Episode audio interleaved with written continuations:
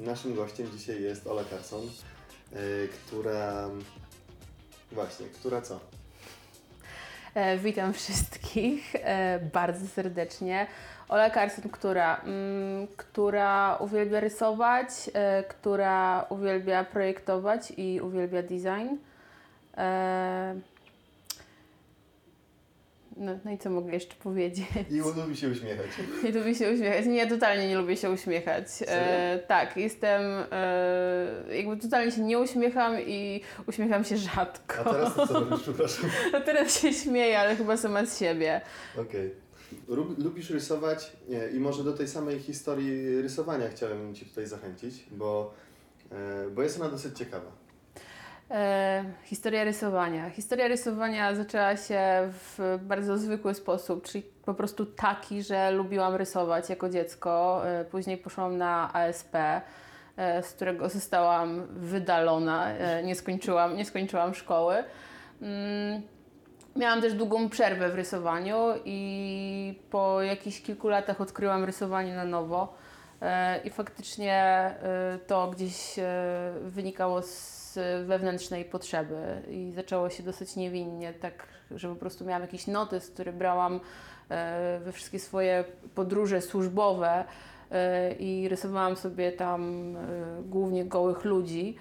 Mm, A później jak miałam chwilę, chwilę wolnego, czy, czy po prostu pracowałam na miejscu, nie wyjeżdżając, to zaczęłam rysować w domu na większych formatach i gdzieś tam później udało się e, zrobić kilka wystaw i faktycznie sprzedawać te e, prace i z tego żyć. Okej, no bo e, to jest dosyć ciekawe, co powiedziałaś. Wrócimy do tych ludzi e, gołych później troszkę, bo jak sobie przeglądałem Twoje prace, to są dosyć osobliwe zdecydowanie. Ale jakby skąd Ci się wzięło to, że nagle jakby pojawiła się ta chęć do rysunku z tym notesem i tak dalej? To, to jakby było tak, że ktoś Ci to podrzucił, czy, czy Ty sama gdzieś szukałaś, bo ja róż, różne historie słucha, słyszałem i czasami to było tak, że nie wiem, że rodzice coś podrzucili, jak to wygląda? E, Właściwie to rysuję odkąd pamiętam. E, Gdzieś tam w szafie są nadal schowane moje rysunki z, z, jak miałam 4, 5, 10 lat i to zawsze, to zawsze było częścią po prostu codzienności. E, Przez długi czas było to dosyć znienawidzoną częścią codzienności. E, Znienawidzoną? Znienawidzoną, tak. E, Ja chodziłam do liceum plastycznego i A, okej. był to przymus po prostu. Trzeba było rysować. Mhm. I gdzieś tam wtedy chyba też była taka duża we mnie chęć wyrażania siebie, e, a trzeba było po prostu rysować to, co trzeba było rysować. E, I nikt niestety wtedy nie wytłumaczył mi, że, że to jest potrzebne, żeby odrysować swoje, a potem szukać siebie. A też e, nie, nie miałam wtedy takiej świadomości w sobie, że. Mm, że, że trzeba trochę w cudzysłowie oczywiście odklepać e, pewne rzeczy, żeby, żeby się nauczyć i żeby dojść później do innych rzeczy. Natomiast tak, rysowanie zawsze było częścią mojej codzienności. E, miałam e, dosyć długą, bo prawie dwuletnią, dwuletnią przerwę i wtedy nie rysowałam wcale, e, ale to już było jak pracowałam.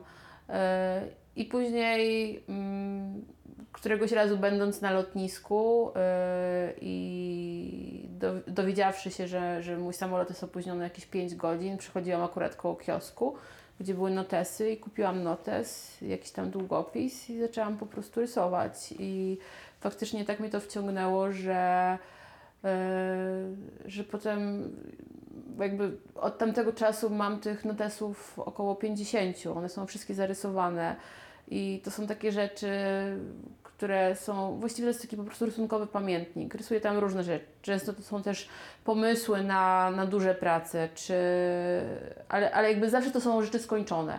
To są małe formaty, jest to A4, ale zawsze to są skończone, gotowe rzeczy, które też czasem sprzedaję. E, Natomiast w ogóle jakby też odnosząc się do rysowania w notesach jest to niesamowite, bo, e, bo gdzieś tam moi najwięksi tacy e, rysunkowi idole y, właśnie wywodzą się z notesów i notesy jakby stanowią takie swoiste i swoiste byty y, rysunkowe i są prezentowane na wystawach, można je oglądać. E, To, jakby chociaż, y, chociażby Henrik Drescher, który jest niesamowitym rysownikiem, ilustratorem, e, chyba jednym z takich najbardziej uznanych i, i jakby no, pracował dla największych magazynów, wydawnictw, e, więc tak, on jakby kultura notesu istnieje, istnieje w jego sztuce i to jest bardzo ciekawe. Okej, ale bo też wiem, że ty często tworzysz rzeczy związane z digitalem. E, więc pytanie, jak się ma do tego e, notes? I bo w poprzednim naszym odcinku rozmawiałem z Polą i ona mm, mm, e, zajmuje się właśnie też e, ilustracją wektorową. E, I teraz pytanie do Ciebie, jak to, co wolisz, jak tworzysz sztukę właśnie i czym się kierujesz w tym tworzeniu, bo niektórzy E, tak jak w poprzedniej rozmowie gdzieś tam od kolorów wychodzą, niektórzy gdzieś może do jakiejś emocji. Jak to wygląda w Twoim, w twoim E, Kiedy rysuję, Tak. kiedy rysuję sama dla siebie, czyli nie jest to w ogóle komercyjne, myślę, jakby w ogóle to, co robię mm, i moje największe inspiracje to są inspiracje z życia. E, Brzmi to dosyć trywialnie, natomiast faktycznie tak jest, e, ale interesują mnie te smutne rzeczy, te, ta ciemna strona mocy i te, te rzeczy, które są dramatyczne, przykre, brzydkie. E, bo tak naprawdę wydaje mi się, że to w brzydocie tkwi prawdziwe piękno e, i to, co jest interesujące. Mm, więc e, właściwie to e, myślę, że takim e, początkiem każdego procesu i każdego rysowania jest po prostu jakaś przykra emocja. Okej, brzmi to dosyć, wiesz, teatralnie, no. E, Brzmi to dosyć teatralnie i dosyć emo, Mhm. 16-latka.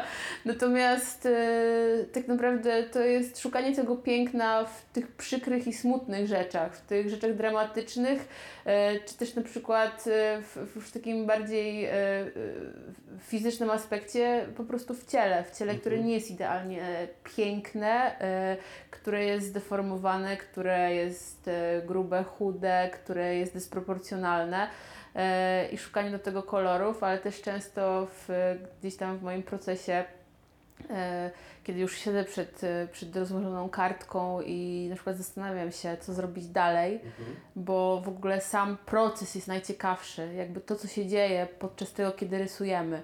I jakby też em, ja uwielbiam e, rysować, ponieważ e, tam nie ma powrotu, jakby no nie można się cofnąć, nie, Nie ma można, nie ma undo, no nie ma.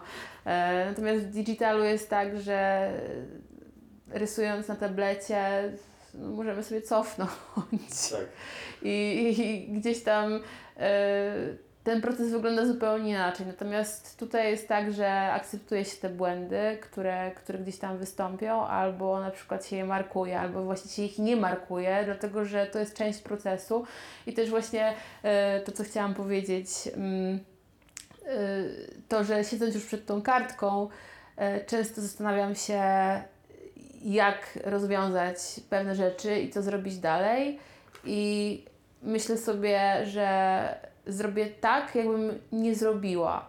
Czyli jakby te rozwiązania, które przychodzą e, automatycznie, na przykład użycie takiego koloru do jakiegoś tam koloru, Mhm. to tego nie robię i używam zupełnie innego koloru, którego na przykład bym, które jakby moja intuicja mówi, żeby nie używać, Okej. ale właśnie go użyję, żeby zobaczyć, co się stanie. I czasami to działa, czasami nie. okej. Natomiast e, różnie to wychodzi, ale wydaje mi się, że też to jest, jakby w rysowaniu to jest po prostu przeskakiwanie samego siebie i e, dla mnie jest to po prostu takie totalne oderwanie się od rzeczywistości. Że kiedy, to właściwie mam takie dwa momenty, e, kiedy jestem w stanie po prostu się wyłączyć i jednym z nich jest e, rysowanie, a drugim e, było, a teraz na powrót znowu jest bieganie. I to są Serio? tak, to, to są takie dwa momenty, kiedy biegam i kiedy rysuję. Okej, no bo o tym bieganiu mm, to nie wiedziałem, powiem szczerze.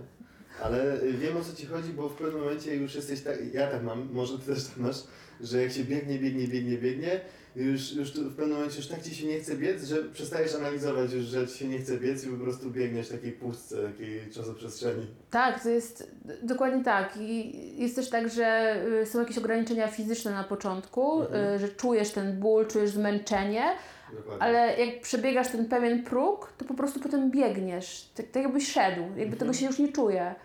I dla mnie bieganie, ja, ja zawsze słucham muzyki jak biegam Mhm. e, i jakby biegam w terenie, nigdy nie biegam na siłowni, na bieżni, jakby absolutnie to nie jest to samo, więc e, bieganie jest faktycznie e, czymś takim, co pozwala się przynajmniej mi tak zupełnie wyłączyć i wyautować, e, tak, W czasach tej, kiedy potrzebujesz pewnie. czyli codziennie. Czyli codziennie. Słuchaj, e, a propos tych, e, propos mm, tych kolorów, które używasz w malowaniu, jakie emocje w ogóle... W rysowaniu. Tak, przepraszam, w rysowaniu. Ja nie maluję. Mhm. Dokładnie, nie malujesz, rysujesz. Jakie emocje Tobie towarzyszą przy, e, przy tworzeniu tych rzeczy? Bo y, powiedziałaś, że szukasz, e, w sensie, że, że jakby inspiracją są te właśnie takie jakieś niedoskonałości, ale jakie emocje Tobie konkretnie towarzyszą, kiedy tworzysz coś? Ulga. Ulga. Tak, jest duża ulga. To będzie trochę emo, to co powiem. Natomiast To już ustaliliśmy, tak? tak, tak, że Wiadomo, to jest blady trzy- po trzy- szyję. 30-letnia emo dziewczyna. E, trochę dla mnie rysowanie jest jak trochę, przepraszam, ale tutaj powiem wprost, wyżyganie po prostu złych Mhm. emocji. To trochę tak działa, trochę jakby nie terapeutycznie, ja tak Mhm. tego nie traktuję. Natomiast e, faktycznie jest to tak, e, że, że pozwala mi się to bardzo skupić e, i wyczyścić głowę z, z, jakby z czegokolwiek, co tam gdzieś zalega. Mm, Jeśli chodzi o kolory, to ja uwielbiam kolor. E, Uważam, że jakby kolor ma niesamowitą moc i siłę i e, jest fascynujący i wspaniały i też jakby w moich pracach jest dużo mm, odniesień do koloru w ogóle w historii sztuki i jakby też e, jest dużo odniesień do symboliki, a tak już zupełnie trywialnie to bardzo lubię różowy. Uważam, że jest wspaniałym kolorem. Wszystkie jego odcienie i cała paleta różów jest niesamowicie Czyli rozumiem, że- inspirująca. Czyli, że pobyt w Stanach, e, rozumiem, mocno wpłynął na kolor różowy. Nie, lubiłam go już wcześniej, natomiast bałam się go trochę używać. E, Natomiast tak, jakby różowy, szary i czarny to, to jest moja ulubiona paleta. Hmm. Okej, czy- czyli e, myszka Miki w przebraniu kominiarza. Tak. No. I oczywiście złoty i srebrny na bogato. Niech, A, niech już będzie na Niech bogato, będzie, tak. I tutaj e, trochę chciałbym o tej historii właśnie, e, jak to wyglądało po tym usunięciu z uniwersytetu, jakbyś mogła trochę tutaj e, to powiedzieć, bo jest to dosyć ciekawe. Jak To- się znalazłaś w Stanach i, co tam robiłaś? To była? Akademia Sztuk Pięknych, natomiast e, właściwie to wyjechałam przed usunięciem i znaczy jakby usunięcie było już tylko formalnością. E, jak się znalazłam w Stanach, e, była to dosyć prosta historia. Nie, nie wydaje mi się, że jest w niej cokolwiek nadzwyczajnego. Mm, A było to mianowicie tak, że e, pojechałam na wymianę studencką Erasmus do Lizbony. E, Studiowałam tam e, grafikę na, na wymianie, mm, ale rzadko chodziłam do szkoły, mm, ponieważ mieszkałam przy plaży i postanowiłam, że nauczę się surfować, więc kupiłam sobie deskę surfingową. E, nie robiłam sobie z nią żadnych zdjęć na Facebooka i, i, i tak dalej. Jakby to, to była taka wewnętrzna potrzeba. Więc właściwie większość czasu spędzałam na plaży, ucząc się surfować, zamiast chodzić do szkoły. I któregoś razu u mnie w szkole e, był wykład dosyć znanego grafika, designera. Więc na ten wykład się wybrałam. E, właściwie po to, nie po to, żeby go wysłuchać, e, bo jakby nie jestem do końca fanem, fanką wykładów. E, ale po to, że e, potrzebowałam pracy i mm, jakby też e, dla mnie szkoła była ciężka i cała, cała ta wymiana studencka była dosyć ciężka, ponieważ jakby no nie pracowałam i ja bardzo lubię pracować. Przed, przed wyjazdem na, do Portugalii pracowałam przez prawie pół roku w firmie odzieżowej w Holandii. Pro- Projektowałam tam e, ubrania. E, I potem jakby wyrwanie się z tego też rytmu pracy było dla mnie dosyć e, trudne do zniesienia. Więc wybrałam się na ten wykład e, po to, żeby zapytać się, czy, bo wiedziałam też, że ten designer jakby będzie e, przy, pracował przy różnych projektach w Portugalii, bo o tym się gdzieś tam mówiło. I e, zapytałam się go, zaniosłam swoje portfolio e, i zapytałam się, wydrukowane, Wow. wydrukowane, tak, to był rok 2012. Wtedy się chyba jeszcze drukowało niektóre Teraz rzeczy. nie można było przesłać. Nie, nie wiem. E, I po wykładzie odczekałam dosyć długi czas w kolejce i e, podeszłam ze, swoją, ze swoim portfolio i zapytałam się, a właściwie powiedziałam, że chciałabym dla niego pracować, to są moje prace. E, I on powiedział, dobrze, to przyjdź na drugi dzień do studia. I tak właściwie się zaczęła moja praca w David Carson Design. Um, I bodajże trzy miesiące później on wyjeżdżał do Stanów, zaproponował mi pracę e, w studio w Nowym Jorku e, i się zgodziłam. E, No i co? No i potem przez e, prawie 6 lat pracowałam w David Carson Design e, jako designerka czy graficzka, jak zwał, tak zwał. E, I tak naprawdę było to po prostu wynikiem trochę zbiegu okoliczności, trochę mojej odwagi, e, Trochę, trochę... odwagi. Znaczy jakby no, no odwagi. Nie, odwaga to. No odwaga to właściwie była tylko na początku, kiedy gdzieś tam e, poszłam z tym portfolio i powiedziałam, byłam na tyle w cudzysłowie tak naprawdę odważna, bo po prostu wzięłam się do kupy jakiejś, zebrałam i, i stwierdziłam, co mi właściwie szkodzi, ale też e, ja mam takie trochę podejście do wszystkiego, że co mi szkodzi. No jak nie wyjdzie, trudno, tak? Że Mhm. jakby lepiej jest żałować rzeczy, które się zrobiło, niż Nie zrobić ich wcale. nie zrobić ich wcale. E, dokładnie tak. E, no i tak to. I później po sześciu latach wróciłam do, do jak myślałam, Europy. Mhm. E, ale e, zatrzymałam się w Polsce. Jestem tutaj teraz prawie dwa lata. E, jestem tutaj właściwie ze względu na pracę. Po prostu tak się ułożyło zawodowo, że, że ciągiem przez ostatnie dwa lata pracowałam tutaj na rynku polskim, ale właściwie też przez jakiś czas faktycznie pracowałam przy różnych projektach, głównie w Amsterdamie i Berlinie. No i tak to, no. Tak to pracowo wygląda. No to tak jeszcze mm, przez chwilę zostając przy tym wątku pracy. pamiętam, że też jak wcześniej rozmawialiśmy, mówiłaś, że tak naprawdę wasze te biuro designerskie, jeżeli tak to można nazwać, nie wiem, jeżeli Tak, nie, tak. to, możesz mnie poprawić. E, brało, to było takie mobilne biuro, które e, jakby działało wszędzie na całym świecie i jakby z jednego dnia, tak jak mówię, byłaś przykładowo na Florydzie, a z innego dnia, nie wiem, e, w Szanghaju i robiliście te projekty jakieś e, e, dodatkowo. Może powiedz mi, jak wygląda taki, jak to wygląda takie zdarzenie, gdzie jest to pewnego rodzaju przytłaczające, a jednocześnie wiesz, robisz coś, co, co cię napędza, jakby w, jak, jak, jakie to są wtedy uczucia jakby, no bo to pewnie nie każdy jest w stanie sobie z tym poradzić, że co chwilę gdzieś wylatuje i coś zmienia, jak to wygląda. Mm, To y, faktycznie była specyfika pracy w David Carson Design. Tam, e, tam e, jakby ze względu na to, że e, właściciel firmy jest e, dosyć znany, jest e, trochę żyjącą legendą e, designu, mm, to, to, jak- to jakby do niego przychodzili klienci yy, i właściwie tak naprawdę klienci przychodzili sami.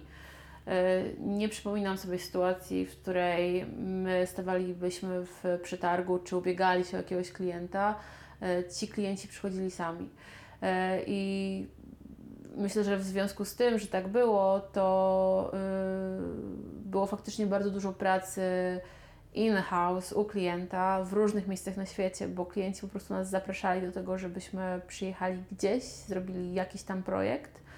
E, I tak właściwie to się samo przez się definiowało. I faktycznie było tak, że, że były, były momenty, kiedy pracowaliśmy z Nowego Jorku. Ja w pewnym momencie pracowałam już tylko stamtąd, ponieważ zrezygnowałam z tych wyjazdów. E, I, no i pierwszy wyjazd e, do pracy, pierwszy wyjazd zagraniczny do pracy, do klienta, oczywiście był dużym przeżyciem, e, ale myślę, że był on dużym przeżyciem tak mniej więcej do końca pierwszego dnia pracy, kiedy zdałam sobie sprawę, że za wiele nie zobaczę e, i za wiele się już nie wydarzy podczas tego wyjazdu, oprócz tego, że będę po prostu pracować przy projekcie. I tak naprawdę te wyjazdy wyglądały w ten sposób, że mm, lecieliśmy gdzieś, e, szliśmy spać, wstawaliśmy rano i o dziewiątej byliśmy w biurze.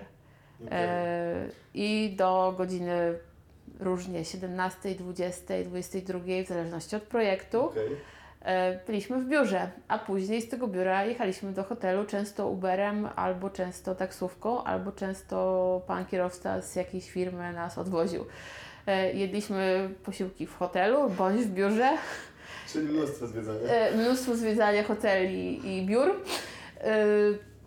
I później leciliśmy albo na kolejny projekt, bo jakby też rozpiętość czasowa była bardzo, bardzo różna. No, to były od tak naprawdę tygodnia do trzech miesięcy czasami. E, I też w międzyczasie były inne projekty, które gdzieś tam się działy, bo, e, bo tych projektów zawsze było właściwie większość czasu było kilka naraz, e, więc to też było duży, jakby duży stres i obciążenie ze względu na różnice czasowe i różnice szerokości geograficznych, e, różnice jakichś tam wymagań, ale też różnice sprofilowania projektów. E, Mhm. Jakby z jednej strony na przykład mogło być tak, że robiliśmy rebranding dla kogoś tam, a robiliśmy opakowanie, e, projektowanie opakowań dla kogoś tam, witryny dla kogoś tam, więc jakby też rozpiętość projektowa była dosyć duża i było to wyzwanie. Jak myśleć o tym e, naraz i jakby to nie było, nie było w tym takiego typowego 360. E, to znaczy, właściwie to było typowe 360, tylko na różnych klientach w, jednym czasie i to było dosyć problematyczne czasami. Okej, i 360, bo też nie wszyscy są w marketingu. Czyli po prostu kampanie całościowe, Tak obejmujące wszystko, wszystko, wszystko i Jak jeszcze więcej. Tak. I zastanawiałem się właśnie po tych Twoich y, doświadczeniach z całego świata, e, jak to wpłynęło w ogóle na Twój styl? Czy to coś zmieniło? Czy, czy jakby to jakby pozostaje, pozostało bez znaczenia? E, czy, czy może jednak... E, mój styl. Ja w ogóle nie wiem, czy mam styl. To znaczy, nie. Zawsze słyszę, że mam i że on jest dosyć, dosyć specyficzny, ale moją odpowiedzią zawsze, jeżeli mówimy o tej pracy komercyjnej, jest to, że to, to była zawsze, zawsze w każdym jednym przypadku odpowiedź na brief i potrzeby klienta. Tak, ale I- ra- raczej się, mi, mi chodzi o Twój wewnętrzny styl. Mój Wiadomo, wewnętrzny że, styl. Że jesteś w stanie zrobić wszystko, co Ci klient powie, Mm. natomiast Mój wewnętrzny styl jest taki, że liczy się przede wszystkim etyka pracy i to, jak pracujemy. To, żeby być fair, Mhm. to, żeby szanować swoją pracę, e, to, że ta praca, która jest dana w tym momencie, nie jest dana na zawsze. E, To, że tak naprawdę możliwość w ogóle jakby wykonywania mm, tego, co się lubi, pracy w branży, w której chce się pracować, jest bardzo dużym przywilejem. I ja sama znam bardzo dużo osób, które starają się, chcą, mają zdolności, ale nie mają wystarczających możliwości, czy znajomości, czy jakby warunków do tego, żeby faktycznie pracować w swojej branży i, i w, w tym, co by chcieli. Także y, jeśli chodzi o mój styl pracy, to y, jest przede wszystkim oparty na szacunku do pracy, do pracodawcy i do klienta. E, I tak naprawdę te wszystkie rzeczy, które, w które wierzę gdzieś tam, jak powinno się pracować i co powinno się pokazywać w pracy i jaka powinna być ta postawa w pracy, jest zbudowana na doświadczeniu. I e, jakby nie wydaje mi się, że miałam w ogóle jakikolwiek styl i pojęcie zanim zaczęłam pracować. I też e, bardzo cenię sobie to, że mogłam pracować w bardzo różnych środowiskach i teamach z bardzo różnymi ludźmi. I gdzieś tam te, te dobre wartości e, można było znaleźć i można było je obserwować, i można było ich się uczyć. E, także to wydaje mi się, że to doświadczenie przynosi. A e, na pewno było to bardzo cenne doświadczenie, e, praca w, w tak dużej jakby roz, rozpiętości pod, pod, pod każdym względem. Mhm. E, że nie była to jedna praca przez 5 lat w jednym teamie, e, a potem przez kolejne 5 w kolejnym i że te zmiany e, są dosyć, jakby do pewnego momentu to jest trudne być jakby w ciągłej zmianie i, i gdzieś tam ciągle być nową osobą w zespole albo wiedzieć, że trzeba się szybko dopasować i że właściwie nie ma czasu na dopasowanie się do zespołu, tylko e, trzeba po prostu wejść i zacząć pracować, e, ale też gdzieś tam nauczyć się pracy zespołu. E, ale jest to bardzo wartościowe i wydaje mi się, że to bardzo rozwija. E, Chociaż są oczywiście też takie momenty, że potem jest się w zespole, który, który niechętnie e, przyjmuje e, jakby wartości dodane i wartości z zewnątrz, e, jest dos, dosyć zamknięty, także no to różnie bywa. A zdarzyło Ci się właśnie jakaś taka super pozytywna współpraca, którą na przykład pamiętasz do dzisiaj? Hmm. Taka, Ojej, że miałeś było- taką wiesz, wolną rękę i ona, rób to, co do Ciebie należy. E, Specyfika pracy w e, David Carson Design polegała między innymi na tym, że tam często dawano mi wolną rękę. I za każdym razem teraz, kiedy mam rozmowę na temat e, jakichś potencjalnych współprac czy projektów, przy których mogę uczestniczyć, e, właściwie w 90% e, pojawia się mm, taka obawa ze strony mojego potencjalnego pracodawcy, że będę się nudzić albo że będzie za mało swobody i ja zawsze mówię, że e, liczę na to, że liczę na to, że będzie mało swobody i bardzo na to liczę, że będą duże ograniczenia e, brandingowe na przykład. Ale tak, tak faktycznie jest, bo mm, wyzwaniem dla mnie nie jest to, że mogę zrobić to, co chcę i to nie jest w ogóle e, jakby atrakcyjne w tym momencie, bo już to robiłam.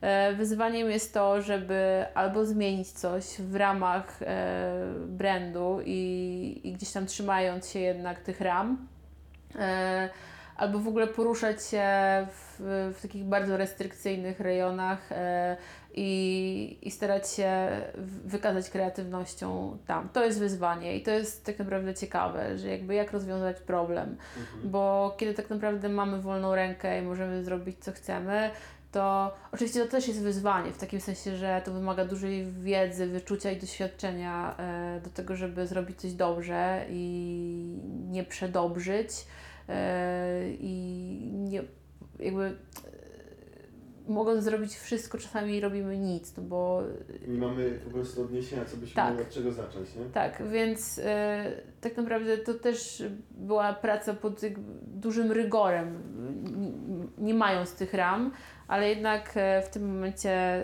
to jest dla mnie ciekawsze e, pracowo, kiedy, kiedy mam te ramy dosyć mocno wyznaczone i e, trzeba argumentować każdą decyzję, e, która ma wprowadzić jakieś zmiany, a akurat moja praca teraz polega na tym, że mam te zmiany wprowadzać, e, jakby zmiany wizualne, designerskie i też Mhm. jakby sposobu prowadzenia projektów e, i, i interakcji. E, więc tak, to, to jest chyba najciekawszy aspekt pracy. Jak to zrobić, żeby zrobić to dobrze, ale żeby to się nadal mieściło w e, ramach brandu. Naszła mnie taka refleksja. Kiedy się najwięcej uczysz? Jakby kiedy czujesz, że, że jakby idziesz do przodu? Bo to też jest taki punkt, który nie każdy jest w stanie wyczuć i czasami wiesz, chcemy powiedzieć, no chciałbym znaleźć coś, co, co sprawi, że pójdę dalej z tą swoją zajawką. Coś, co, co mnie gdzieś popchnie dalej, natomiast czasami to się dzie- dzieje przypadkiem, a czasami już to czujesz. Nie wiem, czy ty masz coś takiego? Masz jakieś takie momenty? Na pewno wchodzenie w nowe środowiska projektowe i tak jak właśnie nowe prace, to, to są te momenty, kiedy można się nauczyć nowych rzeczy. E, I chyba tak trochę jest, że właściwie to czuję to najbardziej, kiedy już kończę tę pracę, kiedy jest zakończenie pracy i e, po, przychodzi jakiś taki mała, mały moment na podsumowanie tego i taka chwila zastanowienia się nad tym, czy się czegoś nauczyłam, czy się nie nauczyłam. Jakby każde doświadczenie jest jakimś tam wzbogaceniem się, to, to brzmi bardzo trywialnie, ale tak jednak jest. ty, no, jakby wiesz, no mów to, co czu- czujesz, jakby wiesz, to ja, nie, ja tu nie oceniam. Najwyżej cię oceni ktoś z, O, z publiczności, ale to prędzej mnie. Ja, ja, E, Wydaje mi się, że e, to jest trochę tak, może to odniosę bardziej do rysowania niż Mhm. do takiego projektowania komercyjnego, bo tam jednak są trochę inne zasady i ja to jednak rozdzielam. E, Jeśli chodzi o rysowanie, to mm, uczę się najwięcej wtedy, kiedy rysuję y, tak naprawdę w, w dużym rygorze i robię to systematycznie i robię tego dużo. Mhm. E, I uczę się najwięcej paradoksalnie wtedy, kiedy nie rysuję wcale. Jakby wydaje mi się, że w każdej pracy i w każdym procesie potrzebna jest ta systematyczność do tego, żeby mm, przeskakiwać samego siebie, Mhm. ale też potrzebne są te momenty, kiedy tego się w ogóle nie robi i kiedy można odetchnąć i spojrzeć z jakiejś tam perspektywy i z boku na to, co się robi. I yy, ja w ogóle miałam przez bardzo długi czas taki yy, zły nawyk, że wszystkie prace, które mi się nie podobały, po prostu wrzucałam do śmieci. I O kurczę. rwałam je, je niszczyłam, ale nie były to jakieś. E, nie, nie, nie były to jakieś dramatyczne akty rozpaczy i rwania kartek. Po prostu je rwałam na małe kawałki, wrzucałam do śmieci. I e, teraz już tego nie robię. Teraz po prostu je oddaję komuś e, albo je trzymam gdzieś tam schowane. E, Po to, żeby do nich wrócić, albo po to, żeby zrobić z nich coś innego, albo po to, żeby mój syn sobie mógł po nich porysować później.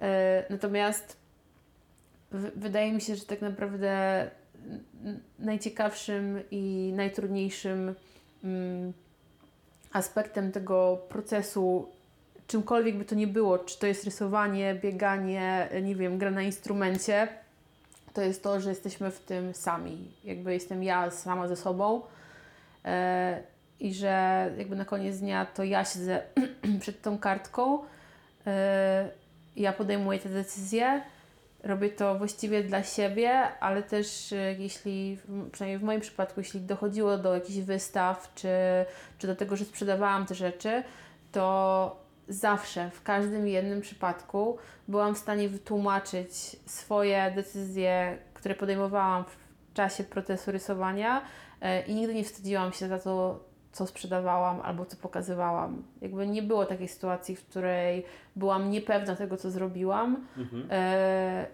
I jakiś czas później na przykład y, wstydziłam się tego.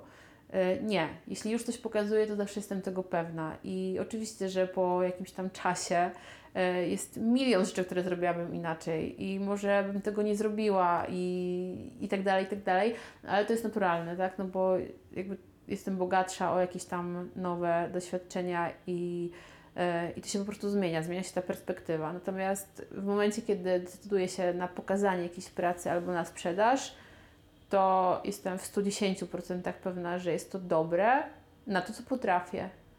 Na dany moment oczywiście. Tak. A później to tak samo jak się ogląda e, jakieś wypracowania, cokolwiek, co znajdziesz, co kiedyś uważałeś, to było Tak. perełka, igiełka. Tak. Potem patrzysz, mm, no taka igiełka to może i nie, ale, ale no to jest właśnie Tak. chyba te sedno, że na dany moment robisz to, co czujesz za stosowne, Tak. E, a później się okaże, jak, jak, to, jak to wyszło, jak to na Ciebie wpłynęło. Nie? Tak, ale to też jest ciekawe, że właśnie jeśli coś robimy i robimy to z pasją i naprawdę oddajemy się temu, jak sami siebie potrafimy zaskoczyć. Ja czasami mam takie momenty, że siedzę tam przed papierem, e, przed rozłożonym papierem e, i rysuję coś i to jest gdzieś tam jakiś pewny etap tego jest skończony i myślę sobie, wow, to jest niezłe. I na przykład mam też wtedy pojawia się taka obawa, że może właściwie już nie powinnam dotykać tego, że jakby, że już może w ogóle ta praca cała jest skończona. Chociaż y, gdzieś tam w moim założeniu nie jest nawet w połowie. E, I zdarzało się tak, że, że faktycznie nie kończyłam pracy, to znaczy jakby kończyłam je, nie kończąc ich, e, bo nie chciałam na przykład zepsuć tego, co wyglądało bardzo dobrze, a ta niepewność przed tym, co mogło się wydarzyć później, była zbyt duża. I właściwie te prace, z tego co teraz sobie przypominam, sprzedawały się najlepiej.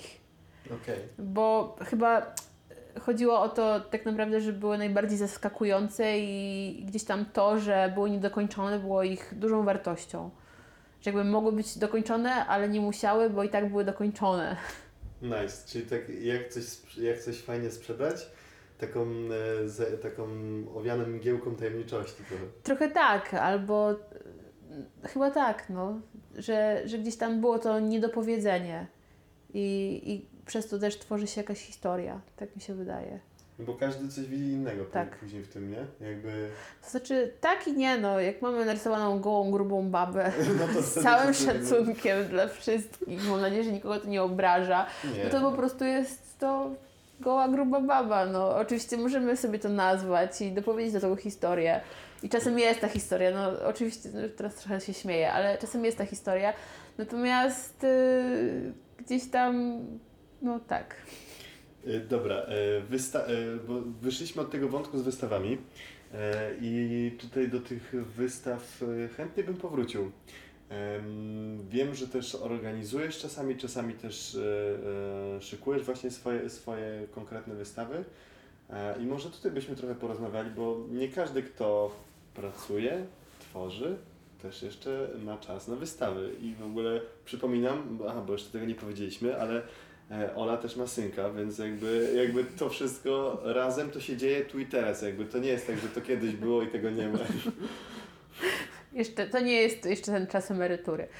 E, wystawy. To tak, e, mam synka, mam pracę i mam wystawy. Mam właśnie jedną opóźnioną o pół roku wystawę. Także myślę, że to, to, to by świetnie podsumowało. Natomiast nie tak poważnie, poważnie mówiąc, to moje wystawy są zawsze bardzo małe, w małych galeriach. E, często też są, e, jakby mm, działamy na takiej zasadzie, że E, Były to jakieś e, zamknięte rzeczy, po prostu czysto sprzedażowe i wtedy w ogóle to nie były wystawy, tylko były to jakieś takie mikropokazy, e, jakiejś tam ilości prac, która wcześniej była umówiona z kuratorem i, e, i to po prostu było sprzedażowe. E, Natomiast tak, no teraz jestem spóźniona. No, jakby moja wystawa, która miała się wydarzyć, już jest przekładana e, któryś tam raz. E, z tego względu, że mam synka i mam pracę i, i czasem nie mam czasu na to, żeby, żeby sobie rysować tak po prostu o. E, natomiast wystawy są zawsze świetną opcją e, na poznanie nowych osób i, i też gdzieś tam na sprawdzenie siebie. I mm, właściwie większość wystaw e, miałam w Nowym Jorku, w małych galeriach na Brooklynie i, i e, oczywiście na Bushwick, no bo tam teraz wszyscy się pokazują e, i gdzieś tam było to bardzo lokalne. E, natomiast zawsze sprzedawało się to dobrze i to było gdzieś tam ciekawe i też mieszkając e, potem w Kalifornii, czy mieszkając w Vermont, e, też e, udało mi się zorganizować, właściwie sama ich nie organizowałam, po prostu udało mi się mieć kilka wystaw, ale nie jest to żadne osiągnięcie. No, wydaje mi się, że gdzieś tam żyjąc w jakiejś lokalnej społeczności i po prostu będąc, będąc częścią jakiejś społeczności, no gdzieś tam to się, to się dzieje. To jeśli nawiązuje się kontakty i siatkę jakichś znajomości w tym świecie y, y, sztuki, to, to, to, to się chyba tak trochę samo wydarza. No, w, z mojego doświadczenia też jest to po prostu spotkanie odpowiedniej osoby, która uwierzy w Ciebie i w to, co robisz. E, jeśli robisz to dobrze i robisz to z pasją, to, to chyba samo trochę wypłynie. E, tak przynajmniej było w moich przypadkach, że zarówno w Nowym Jorku, w Kalifornii, czy, czy właśnie w Vermont, e, gdzie miałam okazję mieszkać przez jakieś pół roku, e, to było tak naprawdę spotkanie jednej osoby w każdym z tych miast, które, które po prostu zapraszały mnie do tego, żebym pokazywała swoje prace i, i to się działo. Y, Nie było w tym jakiejś mojej wielkiej inicjatywy i też determinacji, y, co może nie, nie brzmi zbyt dobrze, ale y, Nie no, bo i wiem o co Ci chodzi. gdzieś tam nie było to moją jakąś ambicją. Ja po Tak. prostu kocham rysować. Bo jak jesteś odpowiednią osobą w odpowiednim miejscu i czasie, no to jakby to się zaczyna Tak. powoli zgrywać. Tak jest. I też trochę ja w ogóle nie mówię tego zazwyczaj na głos, ale ja wierzę w taki, w taki ciąg zdarzeń i w, nie w przeznaczenie, ale w to, że rzeczy się dzieją nie bez przyczyny i że jakby mm, nawet jeśli ponosimy porażki, ja ich ponoszę bardzo dużo, y, to to jest po coś. I oczywiście łatwiej się o tym mówi z perspektywy czasu, e, opowiada o swoich porażkach i o tym, czego się nauczyliśmy dzięki nim, niż jakby będąc w tej porażce właśnie teraz. E, natomiast e, ostatnie dwa lata mojego życia były bardzo burzliwe. Ja się dużo przeprowadzałam, dużo jeździłam, dużo zmieniałam pracy, jakby i, i to były ciężkie momenty, natomiast faktycznie e, wydaje mi się, że to było po coś. E, nie wiem do końca jeszcze po co, Ale się dowiesz. ale się dowiem i, i te rzeczy, które się działy, które trochę wychodziły przypadkiem, które jakby też e, nigdy nie rozumiem tego, kiedy ktoś mówi, że o, nienawidzę swojej pracy i nie chcę tutaj być. Zawsze mam taką myśl, no to przecież możesz to zmienić. To, I to naprawdę, jakby naprawdę w to wierzę, że to nie jest tak, że jesteśmy niewolnikami e, swojej pracy. Jeżeli nie lubię tej, to, to szukam innej, a nawet jeżeli jej nie lubię, to staram się myśleć o tym, co z niej wyciągam dla siebie, albo e, staram się myśleć, że jest to tymczasowe, że jestem tutaj teraz, ale za dwa lata będę pewnie gdzieś indziej i tak przynajmniej w moim przypadku to się zawsze sprawdzało. Zresztą właściwie nigdy nie miałam takiej myśli, że nie lubię swojej pracy. Wiadomo, że niektóre lubiłam mniej, a niektóre bardziej, niektóre były nudne, a niektóre były bardzo ciekawe. E, Natomiast ja zawsze podchodzę z szacunkiem do pracy i do tego, że mogę pracować e, i że jest to jakieś tam doświadczenie, które mam nadzieję doprowadzi mnie kiedyś tam, gdzie bym chciała być, ale nie wiem jeszcze gdzie. Słuchaj, s- y, powiem Ci szczerze, że słuchać już od, pewnie to też wszyscy usłyszeli, ten Twój ten właśnie szacunek i taką wdzięczność bym powiedział za to, e, w jakim jesteś też miejscu, miejscu i że możesz robić takie rzeczy. I wydaje mi się, że częściowo już gdzieś w tej drodze poszłeś, bo to nie jest e, wcale takie krótkie, bo dla Ciebie to jest, wiesz, no byłam tu, zrobiłam tam, to wiadomo, to jest naturalne. Natomiast wydaje mi się, że wiele osób e, e, może to zainspirować do czegoś rzeczywiście. To, to, było, to było bardzo miłe, gdyby kogoś to zainspirowało. E, natomiast no tak, no, wydaje mi się, że nic nie jest dane. To znaczy, że faktycznie jest tak, że na wszystko musimy sobie zapracować. Mm, Czego możemy się nauczyć właśnie od, może nie tyle od samych Amerykanów, ale e, mówię w tych właśnie naszych podejściach do, do życia, w podejściu właśnie do pasji naszej, jak ją, jak ją robimy, jak ją sprzedajemy też, bo to też jest istotne, jeżeli rzeczywiście zajmujemy się pasją na co dzień, od innych, od innych narodowości. E, Kiedy e, zaczęłam mieszkać w Ameryce, e, w Stanach, e, to bardzo irytowało mnie takie bycie ok i pytanie, oh, how are you doing? Oh, just fine, great, thank you. To było bardzo irytujące, natomiast później przestało to w ogóle mnie irytować, denerwować i drażnić. I tak naprawdę z takiej perspektywy po powrocie do Polski bardzo mi tego brakuje.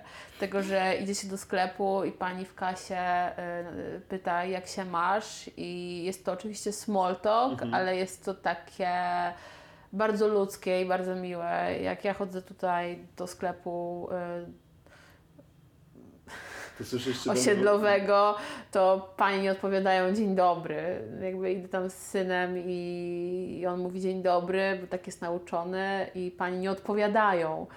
Więc jakby przepaść między powiedzeniem zwykłego dzień dobry albo właśnie niepowiedzeniem, a do tego, że możesz prowadzić jakiś small talk i ktoś mówi do twojego dziecka. Oczywiście to nie jest, e, to nie jest reguła w Polsce, to się zmienia i e, jest tak, że idziemy do, nie wiem, e, knajp, kawiarni i tam są bardzo miłe osoby i ludzie są bardziej otwarci niż, niż 10 lat temu.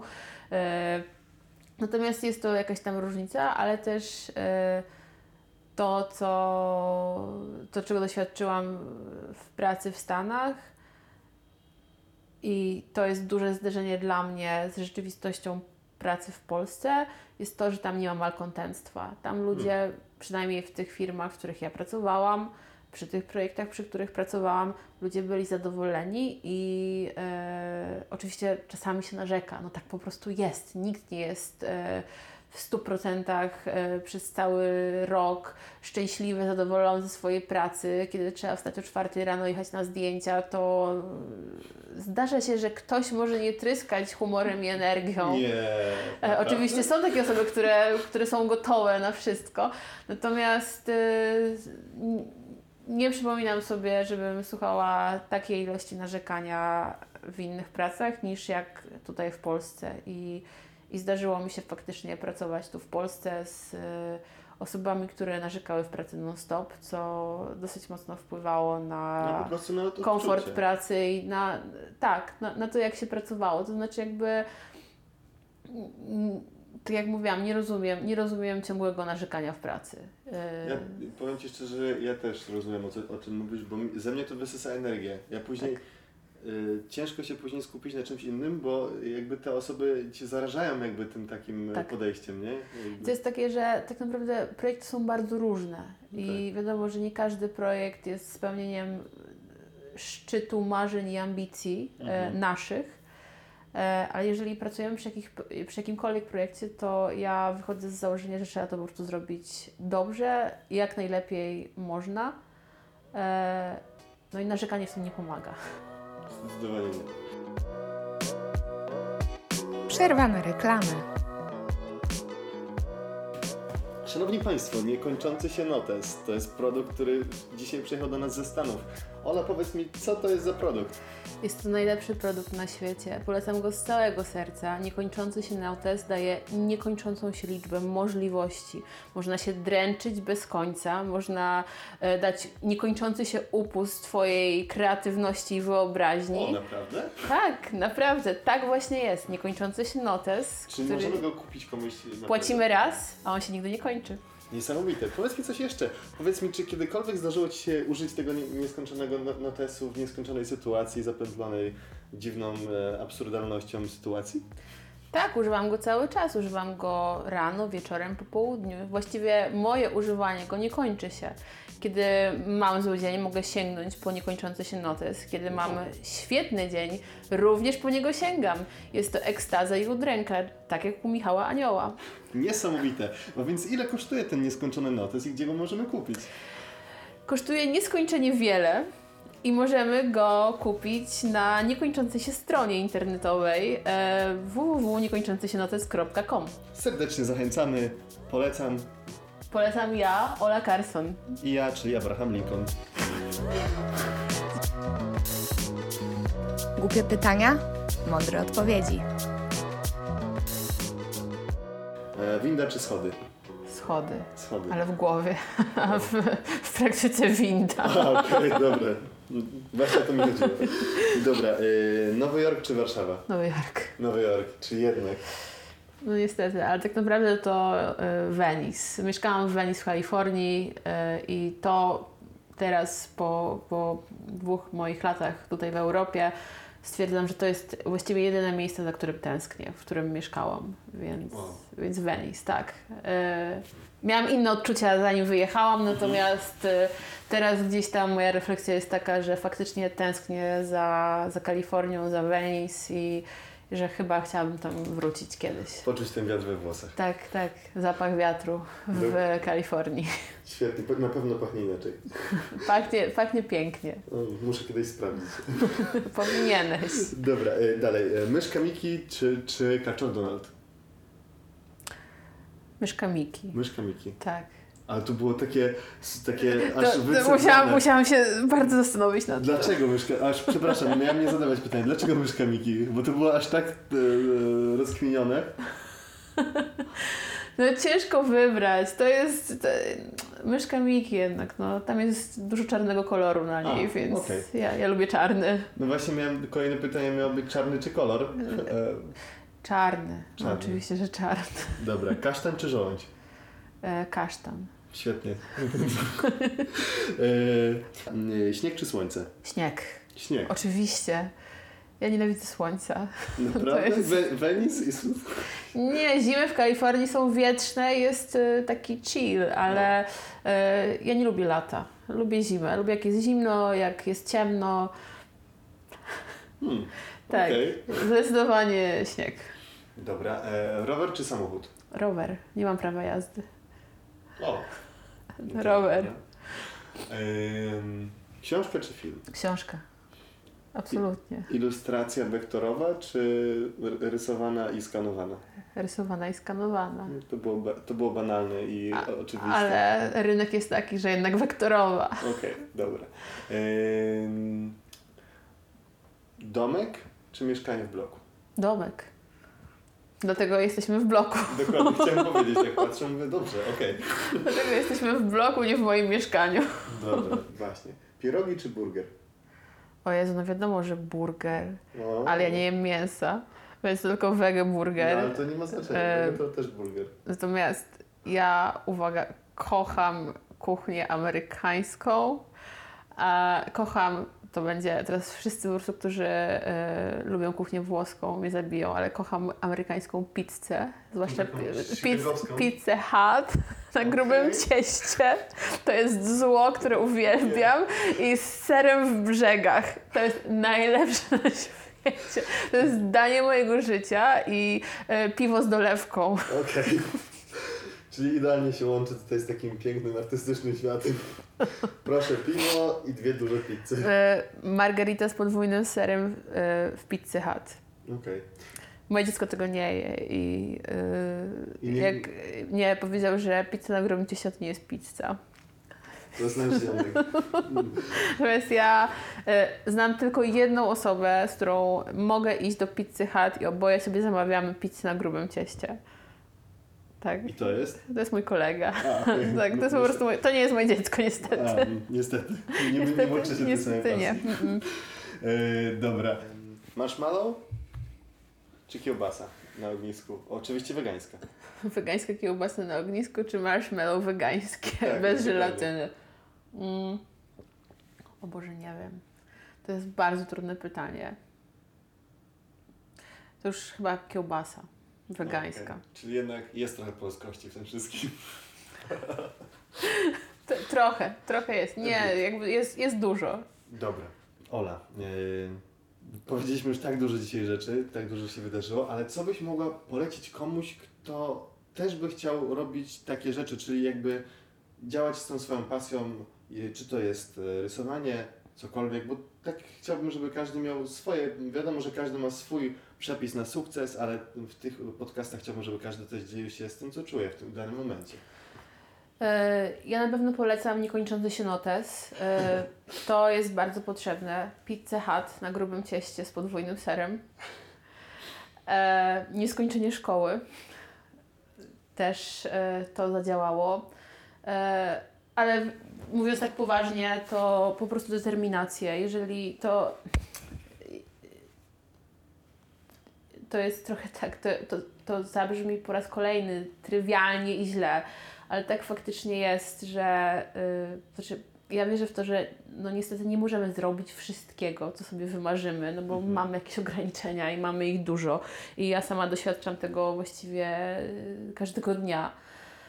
Yy, I tak naprawdę nie wiem, 10% sukcesów y, to jest y, przełożenie na 90% porażek, y, ale wydaje mi się, że trzeba po prostu brnąć i iść y, i wierzyć w siebie i się nie poddawać. To, to brzmi trywialnie, ale tak faktycznie jest, że, że gdzieś tam y, trzeba po prostu być wytrwałym i ciężko pracować. Y, i potem to przyjdzie, jakby to w końcu się wydarzy, to na co pracujemy, na co właściwie czasem też czekamy, no bo, no bo czasami się po prostu czeka y, i, nie można pracować cały, cały czas, trzeba odpoczywać. E, ale wydaje mi się, że właśnie taka wiara i determinacja i systematyczność i praca to, to popłaca. E, I że, że pewne rzeczy się wydarzają dlatego, że ciężko pracujemy i że przejmujemy tą inicjatywę, ale też e, część rzeczy jest jakimś pokłosiem tej inicjatywy. To znaczy, że po prostu coś wynika z czegoś, Mhm. że w najmniej spodziewanych momentach e, okazuje się, że pojawiają się jakieś możliwości czy sytuacje, które są wynikiem czegoś, o czym w ogóle byśmy nie pomyśleli yy, i myśleliśmy, że to nie miało w ogóle znaczenia, że to robiliśmy, a nagle okazuje się, że nie wiem, jakaś poznana osoba w tamtym czasie, tak, nagle pojawia się w Twoim życiu i, i dzieje się coś tam i, i też wydaje mi się, że takie yy, mm, po prostu korzystanie z tych yy, okazji, które się nadarzają i które czasami wcale nie są spektakularne, albo nie wydaje nam się, że są spektakularne, e, a potem otwierają drzwi do nowych możliwości. I, I też chyba to, przynajmniej ja tak postępuję i czasem tego żałuję, ale jednak zawsze tak robię. Jakby kierowanie się swoją intuicją i tym, co podpowiada serce. Czasami te niezbyt roztropne i mądre decyzje, e, których któ- których zdarza mi się żałować yy, i zastanawiać, czy dobrze zrobiłam. Jednak zawsze jest ten argument, że tak wtedy czułam i gdzieś to przemyślałam i, i uważałam, że robię dobrze. I yy, też jakby postępowanie w taki sposób, żeby, żeby zawsze być fair wobec siebie i wobec innych.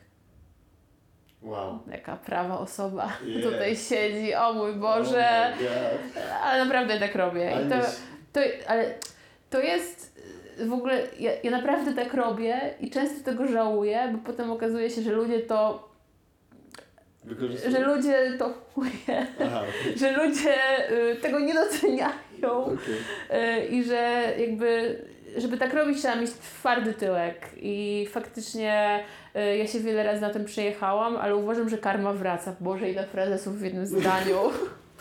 Ale spokojnie, bo, bo widać, że to jakby mówisz naprawdę, więc nikt się z tego nie będzie śmiał. Więc jakby to jest spokojnie. Trzeba być fair, no. Trzeba naprawdę traktować ludzi dobrze i traktować ludzi fair. Tak, tak uważam.